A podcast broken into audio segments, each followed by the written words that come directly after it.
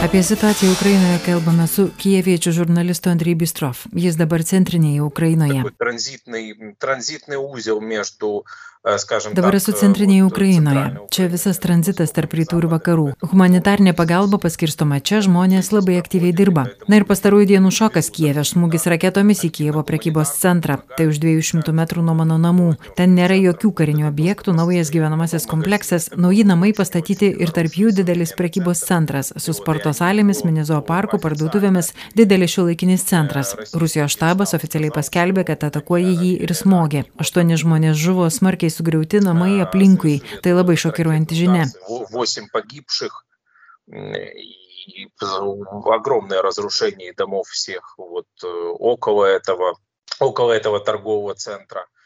Koks judėjimas aplink Kijevą ir šalies pietuose. А сейчас нет э, таких активных э, боевых действий наступательных э, вот возле Киева и по всем направлениям. Šiuo metu nėra э, aktyvių российская puolamųjų армия veiksmų не prie наступает, Kijevo. потому что Visomis нет kryptimis такого Rusijos потенциала armija nepuola, nes tokių наступать. pajėgumų neturi. Jie įsitvirtina, kaupia jėgas ir tuo pat metu tęsia miesto apšaudimą balistinėmis raketomis. Mūsų armija juos pamažu atstumia Bučios Gostomilio kryptimi, aplink Kijevą, Makarovo šiaurės vakarų kryptimi, ten jų vis dar daug. Bet šiaip vyksta karas raketomis. Ir mūsų prezidentas ir generalinis štabas sako, kad aktyvi fazė, kai kariai stipriai juda į priekį, buvo sustabdyta ir Rusija tiesiog perėjo prie totalaus teroro raketomis, nuo kurių sunku apsiginti mūsų priešlėktuviniai gynybai. Jų siekis ir toliau greuti miestus, tokiu būdu sudarant humanitarnį spaudimą mūsų vadovybei ir tai priversti būti labiau sukalbamus ateinančiose darybose.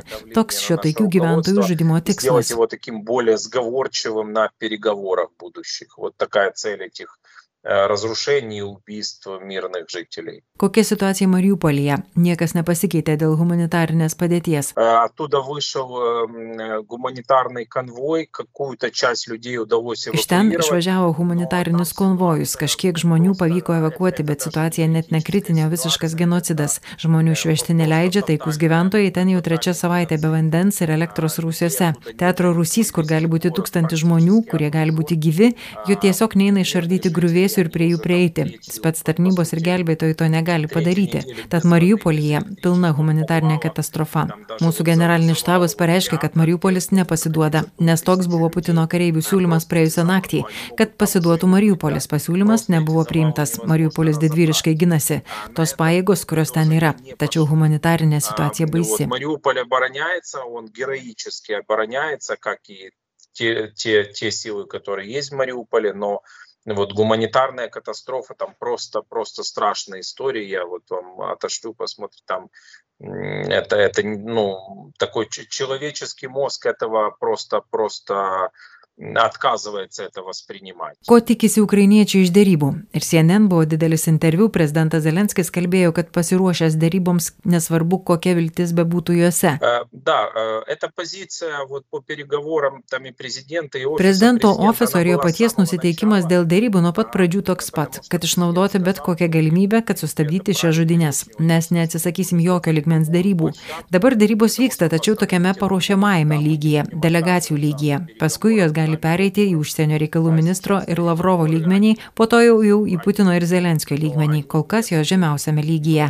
Jokių rezultatų kol kas nėra, vyksta pozicijų tyrinėjimas, nes dėrybininkai nesutarė nei dėl apibrėžimų, apie ką kalbėti, nei dėl bet kokių galutinių susitarimų. Dauguma pozicijų nepriimtinos, pavyzdžiui, kalbant apie teritorinį Ukrainos vientisumą, apie vadinamąją denacifikaciją. Kas mes suprantam, jų mintimis yra valstybingumo sugriovimas. Todėl dabar paskutinės kelias dienas dėrybose rezultatų nėra. Ir Rusijos pusė eilinį kartą demonstruoja, ką jiems reiškia dėrybos. Pavyzdžiui, Putino spaudos atstovas Peskovas pareiškė, kad dėrybų metu ugnis nebus sustabdyta, kas yra visiškas karo nusikaltimas. Juk žinom, kad kai kalba diplomatai patranko stylį, jie pažeidžia netgi tai.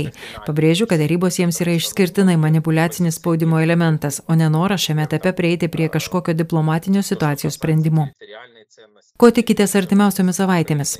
Mes dabar suprantam, kad mūsų pozicija darybose patvirtinama tik karinė jėga. Kiek bus stipri mūsų armija, kiek galėsim išlaikyti savo pozicijas, nuo to ir priklausys, kaip judės darybos. Bet dabar labai svarbu ir kviečiu kiek įmanoma tai daryti, maksimaliai nutraukti visus finansinius, komercinius ir verslo ryšius, komunikacinius ryšius su Rusija, kad dar stiprinti sankcijų poveikį.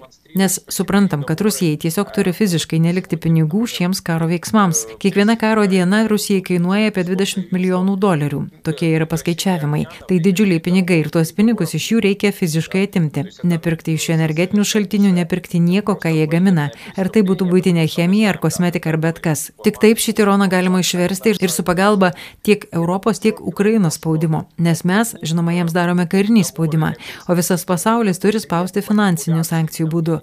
Bet ir kiekvienas vartotojas gali tai daryti. Tiek žmogus, smulkusis verslas, be sankcijų, kurios veikia valstybiniu lygiu, tai vienintelis būdas. Radio stočiai FM99 Andrij Bistrov iš Ukrainos. Jį kalbino Vilija Kvedaraitė.